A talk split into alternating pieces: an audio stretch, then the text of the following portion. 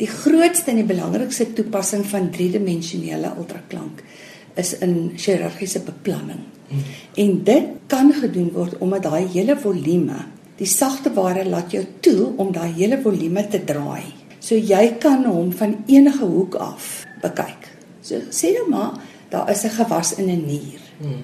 En jy maak 'n driedimensionele beeld van daai nier. Kan die chirurg hom draai in watter rigting hy ook al wil en hy kan presies sien van watter kant af hy sy snit moet maak om in te kom in die nier om daai gewas uit te haal. Hy kan sien waar die bloedvloei is om dit te vermy, waar senuwees is. So dit is 'n baie wonderlike tegniek as dit reg gebruik word. So word hierdie in enige ander industrie gebruik en waarvoor? Ultraklank word uh, gebruik ook in fisioterapie want die interaksie van klank met menslike weefsel die vibrasies veroorsaak dat daar hitte opgebou word in die weefsel. So dit word dan gebruik deur fisioterapeute om genesing te bevorder. So genesing in weefsel, genesing in been. Vir ons in diagnostiese ultraklank wil ons die hitte so min as moontlik hou. Want hitte kan ook skade veroorsaak. Hoe so? Dit kan veral selle wat baie vinnig vermeerder, veral in jou fetus, kan dit abnormaliteite in die fetus veroorsaak.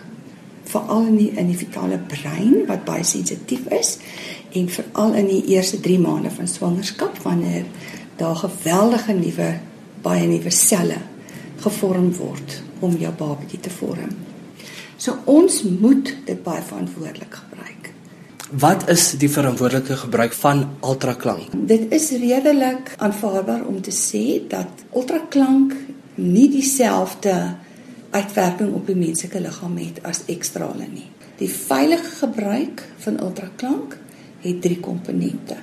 Nommer 1: Wie ook al die klank gebruik vir diagnostiese doeleindes, moet opgelei wees en ook hoe om sekere indekse te interpreteer. Die ander ding wat ons voorstaan is dat klank of die skanderings of die hoeveelheid ondersoeke wat jy ondergaan moet beperk word veral voor geboorte dat mammies verwag van hulle ginekoloog om 'n sonar te doen met elke besoek.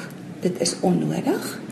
Ons staan 3 sonars voor gedurende 'n swangerskap een in die eerste termyn een in die tweede termyn en een in die derde termyn tensy daar 'n mediese rede is. So die hoeveelheid skanderings moet beperk word. Die tyd wat die skandering neem moet beperk word en belangrikste van alles is dat die ondersoek gedoen moet word vir 'n grondige mediese rede. Met ultraklank kan 'n mens dan ook kleur optel. Bloedvloei word in kleur oor 'n swart en wit prentjie gesit. So jy het nog steeds jou anatomie in swart en wit en dan die vloei in die slagare of in die are word in kleur aangedui. Maar dit word nie in kleur opgetel nie. Dit word net deur sagte ware aangedui in kleur.